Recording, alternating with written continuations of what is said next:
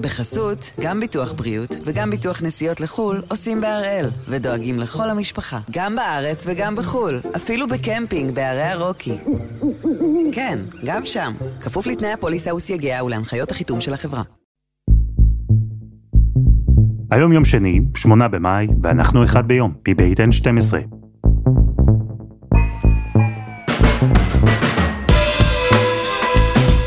אני אלעד שמחיוף, ואנחנו כאן כדי להבין טוב יותר מה קורה סביבנו, סיפור אחד ביום, בכל יום.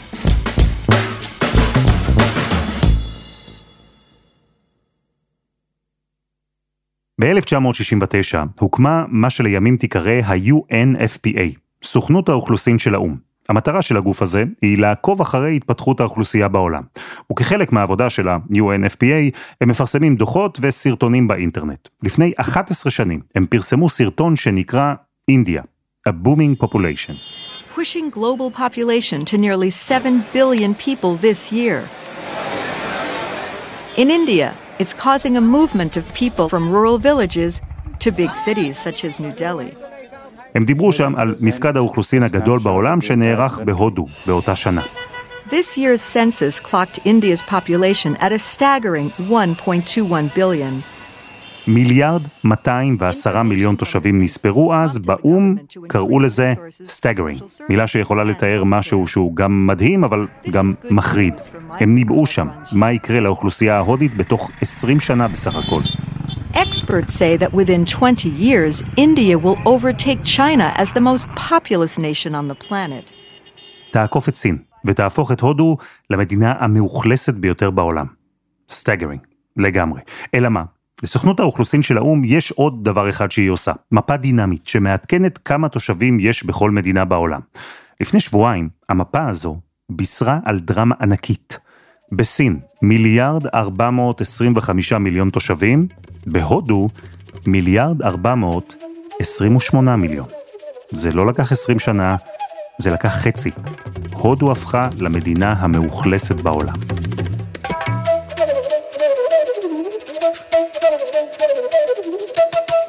אז הפעם אנחנו עם המהפך בטבלת האוכלוסין, ועם מה התואר החדש אומר על הודו, וגם מה הוא אומר על מי שבפעם הראשונה ירדה למקום השני.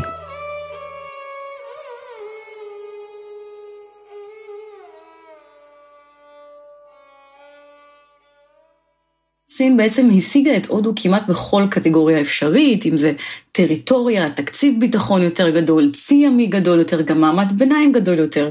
אבל נראה שעכשיו הודו חוטפת מסין את הטייטל הזה, שהחזיקה בו אה, המון שנים, המדינה המאוכלסת ביותר בעולם, וזו אלעד למעשה הפעם הראשונה מאז שנות החמישים של המאה ה-20, שמדינה אחרת, אה, חוץ מסין, שמחזיקה בתואר הזה.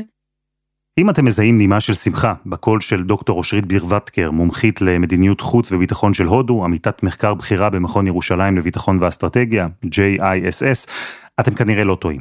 המדינה שהיא מכירה מצוין, שהיא מתמחה בה, קיבלה את תואר המאוכלסת בעולם בשמחה גדולה. אז אני חושבת שלפחות בהיבט אחד, אה, ההודים מנצחים את הסינים, וזאת גאווה גדולה עבור ההודים, עוד אה, מרכיב אחד לגאווה הלאומית.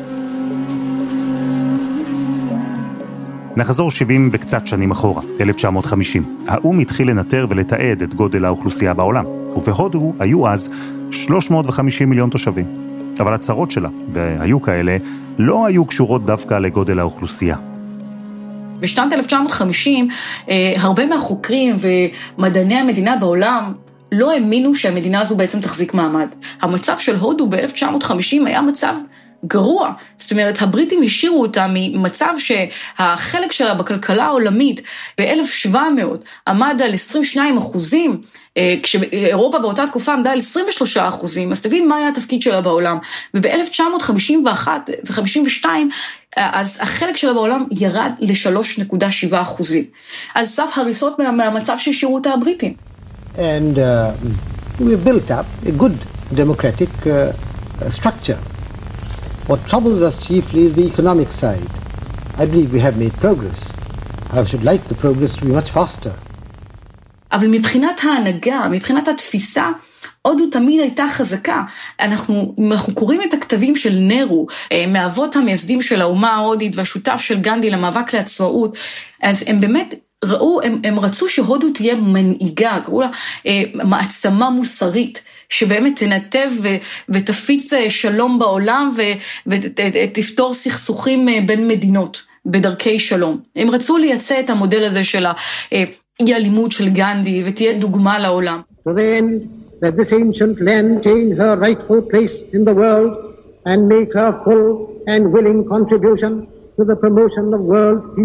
And the welfare of mankind.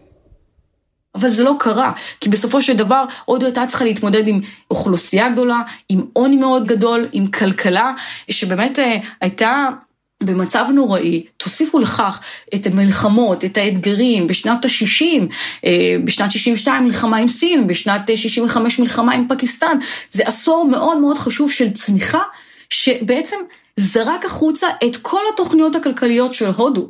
וכל פעם זה היה תהליך של המדינה להוציא את עצמה מהברוך הזה. ואז מגיעה ממשלה חדשה, ושוב פעם יש תוכניות, והרעיונות בעצם איך אנחנו מכשירים את הודו, בונים מדינה מחדש, שהיא בעצם על סף הריסות מה, מהמצב שהשאירו אותה הבריטים. בסופו של דבר, בתהליכים מאוד מאוד איטיים, היא עושה את זה, וזה קורה.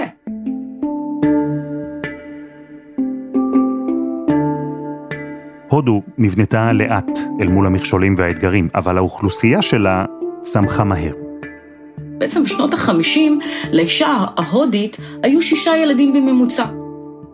האישה הזו, ההודית הממוצעת שהביאה שישה ילדים, גם הבנות שלה הביאו כל אחת שישה ילדים. גם הנכדות כנראה. הודו הלכה וצמחה, ומספיק רק לחשוב על יותר ממיליארד תושבים שנוספו לה מאז המפקד ההוא של 1950. זה מסביר חלק מהדרך שהודו עשתה למקום הראשון ברשימת המדינות המאוכלסות בעולם, אבל רק חלק, כי במקביל קרו תהליכים הפוכים במדינה שעד לפני שבועיים בסך הכל הייתה האלופה הבלתי מעורערת. לאורך הרבה מאוד שנים, התפיסה בסין הייתה שיותר אוכלוסייה זה יותר טוב. זאת אומרת, זו התפיסה הפרה-מודרנית, אם תרצה, שבה מדינה שיש לה יותר אזרחים, או יותר תושבים, או יותר נתינים, בעצם זה נותן לה הרבה מאוד כוח. מאזיני אחד ביום האדוקים, אתם כבר בטח מזהים את דוקטור אורי סלע, מהחוג ללימודי מזרח אסיה באוניברסיטת תל אביב, וחוקר בכיר אורח במרכז גילפורד גלייזר למדיניות ישראל-סין ב-INSS. הוא יודע לשים את האצבע בדיוק על הרגע שבו בסין הבינו שאומנם הרבה תושבים זה הרבה כוח, אבל יותר מדי תושבים זה כבר מתכון לחולשה. רק בתקופה המודרנית ובהדרגה למעשה עם סין העממית, שנות ה-50 וה-60, מתחילים לראות שאולי הם הולכים בכיוון שבו יש אה, קצת יותר מדי תושבים, שהמדינה לא בטוח שתוכל להזין אותם. ואז אנחנו מתחילים לדבר על דמוגרפיה כבעיה. עדיין זה לקח עד סוף שנות ה-70, מכיוון שלאורך התקופה שבה מאו שלט בסין, האידיאולוגיה הכללית של הרבה אנשים זה טוב, כוח ההמונים, המשיכה לשלוט למרות ההכרה בכך שאולי אנחנו נכנסים לבעיה דמוגרפית. אבל מסוף שנות ה-70 בעצם סין מכירה בדמוגרפיה שלה כבעיה ומתחילה לעשות ניסיונות על מנת לצמצם את הגידול. מחסור פוטנציאלי באוכל, במים, בתשתיות, כל אלה הובילו את סין לשורה של הגבלות על ילודה, המוכרת יותר כמובן, היא זו שאסרה על הורים להביא יותר מילד אחד לעולם. כשמדיניות הילד האחד אה, התחילה, בעצם בסין התחילו לגרד את המיליארד תושבים מלמטה. זאת אומרת, היו 950, 970 מיליון בני אדם, גידול של כמעט פי שתיים, כמעט פי שתיים, מ-1949, כאשר סין אה, נוסדה. זה גידול עצום. האמירה שלהם לא הייתה, אנחנו צריכים להקטין את האוכלוסייה בצורה דרמטית. זה לא הכיוון. הכיוון הוא, אנחנו רוצים להיות יותר, אבל אנחנו רוצים להיות יותר בשליטה. שאנחנו אלה שבאים ומגדירים מה גודל האוכלוסייה הרצוי לנו בכל נקודה ובכל שלב.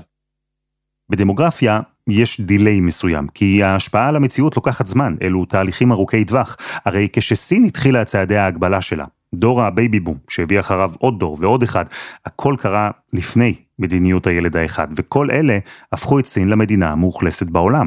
במקביל לניסיון של הממשלה הסינית להאט, להשתלט על הקצב, היו כבר המון סינים, ועוד המון סינים בדרך. ואמרנו, המון אנשים בסוף שווה להמון כוח.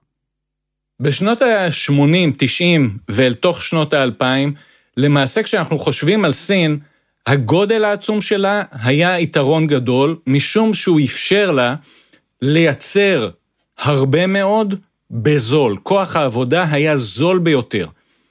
סין לאורך השנים הללו משתמשת בגודל האוכלוסייה העצום שלה על מנת ליישם אותו בתוך תעשייה שהיא תעשייה עתירת לא ידע, אלא עתירת כוח אדם. ושם כוח אדם הזול שלה עובד. בעצם החברה הסינית שינתה את פניה.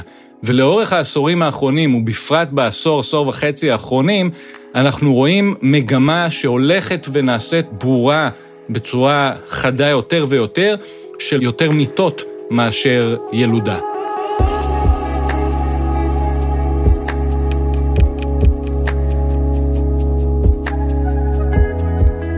חסות אחת, וממש מיד חוזרים.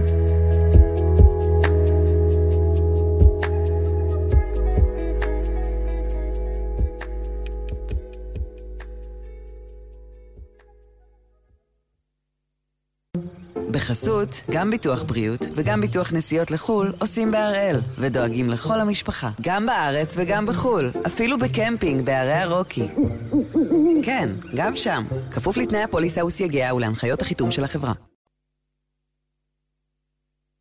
אנחנו עם המהפך בטבלת אוכלוסיית העולם, בפעם הראשונה הודו במקום הראשון וסין במקום השני. וכדי להבין את כל התמונה נחזור חזרה לסין. הגבלות הילודה מצד אחד, פיתוח כלכלי מהצד השני, שהוליד מעמד ביניים גדול, כל אלה הובילו למצב שבו סין כבר לא ממש צומחת.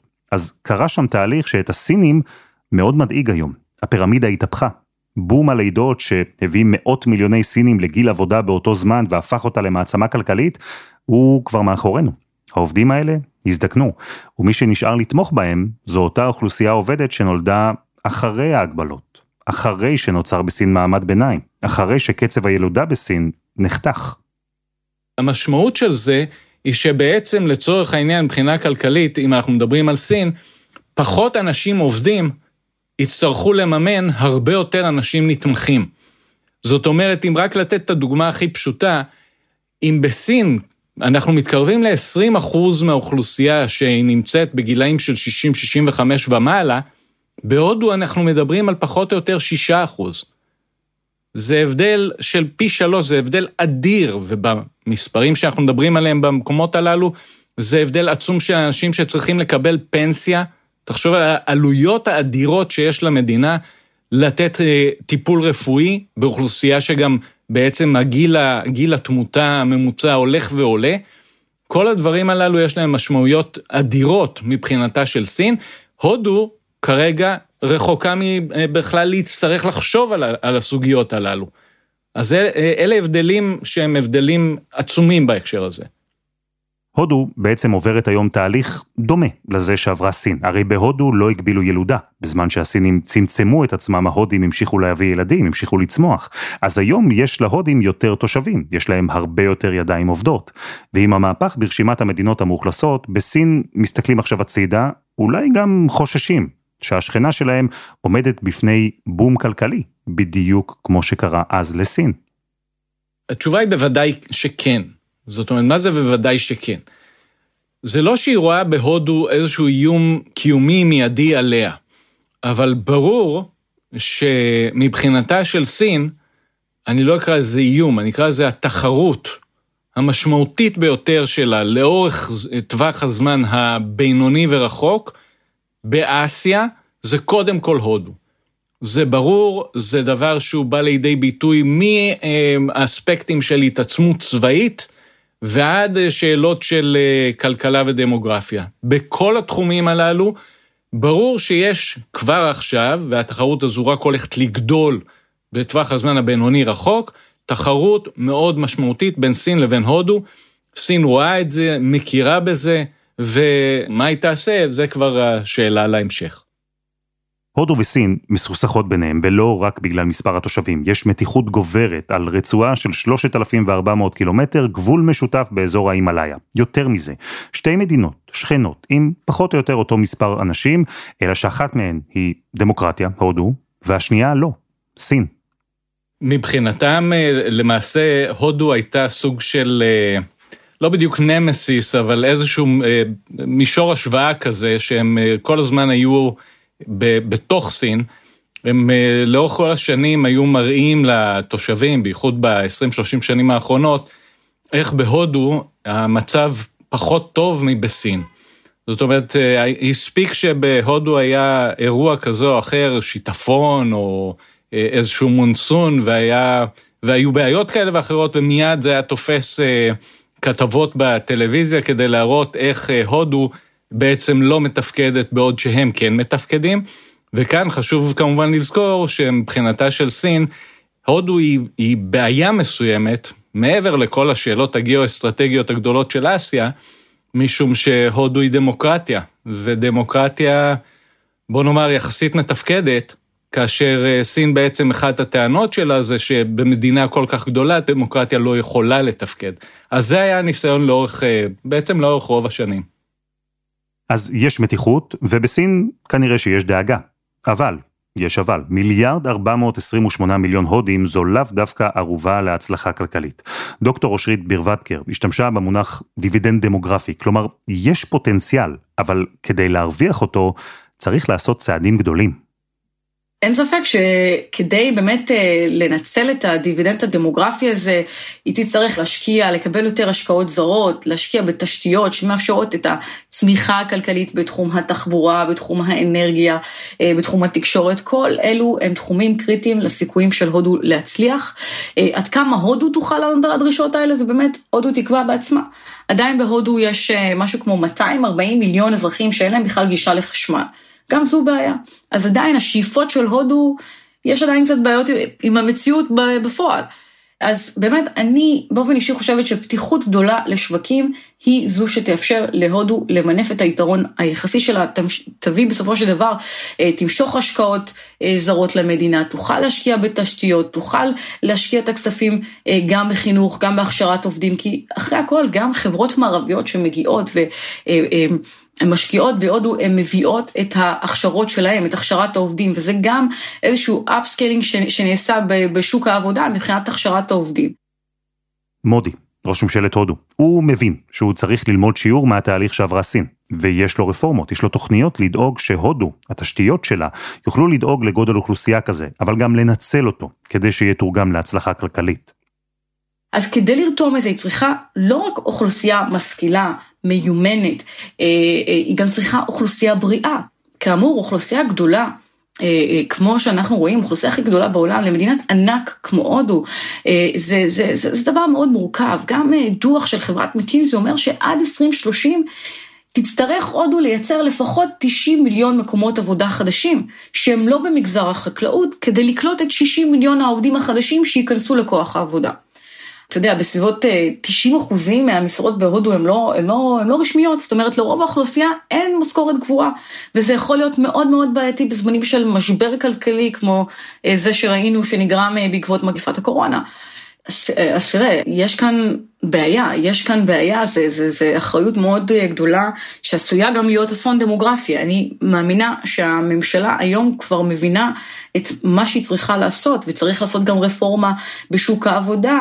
אמ, יש היום בהודו אה, משהו כמו 45 חוקים לאומיים, 200 חוקים פדרליים שמסדירים יחסי עבודה, מטילים המון דרישות על אה, אה, עסקים מבחינת עובדים, וכמו כל דבר, רפורמה בשוק עבודה זה, זה עניין רגיש בכל מדינה. תוסיף לזה עוד עניין שלי שעשוי להיות בעייתי, זה סכנת האוטומציה. שעלולה לחנוק את השוק ההודי, ולכן אני צופה שכל אימוץ של תהליכי האוטומציה בהודו הוא יהיה הרבה יותר איטי. כי בהודו היום יש 125 מיליון עובדים במשרות שבסכנת אוטומציה. אז מה שאני בעצם רוצה לומר פה זה שככל שהודו והכלכלה ההודית תמשיך לצמוח, מקומות העבודה בהודו עלולים להיות פחות בטוחים. וכאן אולי באמת שיטת המשטר היא סוג של חיסרון. כי אולי קל יותר להנהיג מהלכים כאלה בשלטון אוטוריטרי ולא בדמוקרטיה. אבל להודים יש גם יתרונות. הבריטים, זוכרים? מאשימים אותם בהרבה דברים גרועים שנעשו בהודו, בצדק. אבל הבריטים גם לימדו את ההודים אנגלית, והאנגלית הזו עזרה להודו להפוך למעצמת טק, כשהעולם היה זקוק למתכנתים מתאימים כדי לטפל בהשלכות הפוטנציאליות לקראת באג 2000. או למשל מרכזי המענה הטלפוני, call centers של חברות ענק, הן מספקות היום עבודה לעשרות מיליוני הודים. מדינות המערב, שלא פעם הטילו סנקציות על סין בגלל המשטר שלה, לא יעשו דבר כזה בדמוקרטיה מתפקדת. ובכלל, יכול להיות שבסוף, מה שלא תעשה הממשלה, תעשה הכלכלה ההודית. כי עם הפיתוח הכלכלי בהודו היום, כבר אין לכל משפחה שישה ילדים, אלא שניים. וכן, זה אומר שגם בהודו יש סכנה בטווח הארוך לדור של פנסיונרים שלא יהיו מספיק עובדים שיחזיקו אותו. אבל עד שזה יקרה, עד אז, אולי הודו תצליח להזניק את עצמה למעמד אחר. אני חושבת שהודו נמצאת היום בטור הזהב שלה, והיא, ויחד עם הממשלה הנוכחית, שמציגה מדיניות פרגמטית, מאוד אה, אידיאולוגית, מוכוונת מטרה, לשים את הודו. ו- ותהיה הסיבה ככל תהיה, אם זה הסיבה הלאומית האידיאולוגית שנוטפת מאחוריה, אבל יש כאן הכוונה ונדרשת הכוונה מלמעלה. אני בהחלט רואה את זה ששלטון חזק צריך להיות כאן כדי אה, בעצם לעקוב ו- ו- ולהנהיג מדיניות ורפורמות משמעותיות בשוק העבודה, ב- ב- בהשקעות הזרות, ב- בכל כמעט קטגוריה אפשרית, כדי להפוך את הודו להיות המעצמה הגדולה, המעצמה הראויה כפי שראו וחזו האבות המייסדים שלה.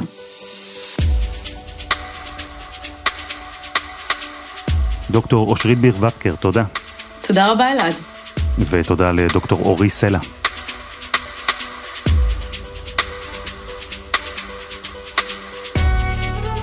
וזה היה אחד ביום של N12, אנחנו מחכים לכם בקבוצה שלנו בפייסבוק, חפשו אחד ביום, הפודקאסט היומי. העורך שלנו הוא רום אטיק, תחקיר והפקה, רוני ארניב, דני נודלמן ועדי חצרוני, על הסאונד יאיר בשן שגם יצר את מוזיקת הפתיחה שלנו, ואני אלעד שמחיוף, אנחנו נהיה כאן גם מחר.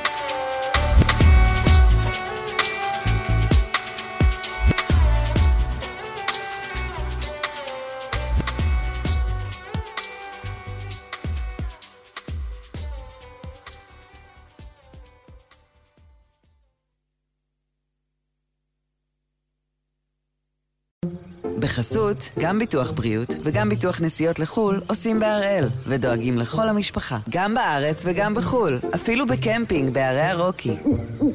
כן, גם שם, כפוף לתנאי הפוליסה וסייגיה ולהנחיות החיתום של החברה.